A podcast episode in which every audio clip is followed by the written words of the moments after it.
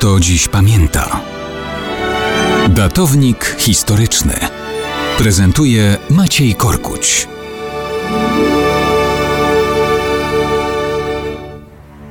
Rocznicę wejścia Armii Czerwonej do niemieckiego KL Auschwitz Organizacja Narodów Zjednoczonych ogłosiła Międzynarodowym Dniem Pamięci o ofiarach Holokaustu.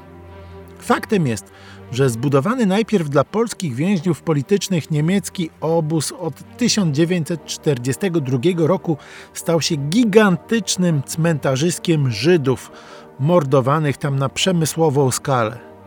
Warto pamiętać o tym dniu jako o momencie przerwania funkcjonowania niemieckiej fabryki śmierci, a nie, jak się bezrefleksyjnie często powtarza, jej wyzwolenia. 27 stycznia 1945 roku w obozie była już tylko garstka więźniów. To oni zostali uwolnieni. To nie był dzień wyzwolenia obozu, bo KL Auschwitz był państwową instytucją, strukturą utworzoną przez Rzeszę Niemiecką, działającą w imieniu Rzeszy Niemieckiej i realizującą decyzje Rzeszy Niemieckiej. Tak jak Bank Rzeszy, do którego z KL Auschwitz wysyłano nawet kilkanaście kilogramów złota dziennie, nazwijmy to uzyskanego z ciał mordowanych więźniów. Banku Rzeszy ani KL Auschwitz wobec tego nie mogła wyzwolić żadna armia spośród krajów walczących z Niemcami. Wrogowie Rzeszy mogli zarówno niemiecki Bank Rzeszy,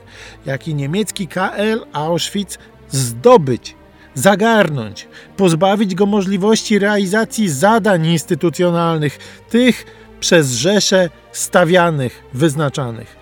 Tak jak żołnierze Armii Krajowej zdobywali, względnie rozbijali niemieckie więzienia, po to, aby wbrew niemieckim oprawcom wyzwolić zamkniętych w nich więźniów. Tak dzięki zdobyciu, zajęciu KL Auschwitz resztki więźniów mogły wyjść poza obozowe druty.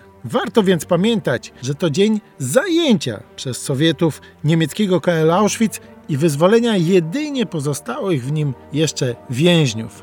Dzień likwidacji niemieckiego obozu, czyli niemieckiej fabryki śmierci.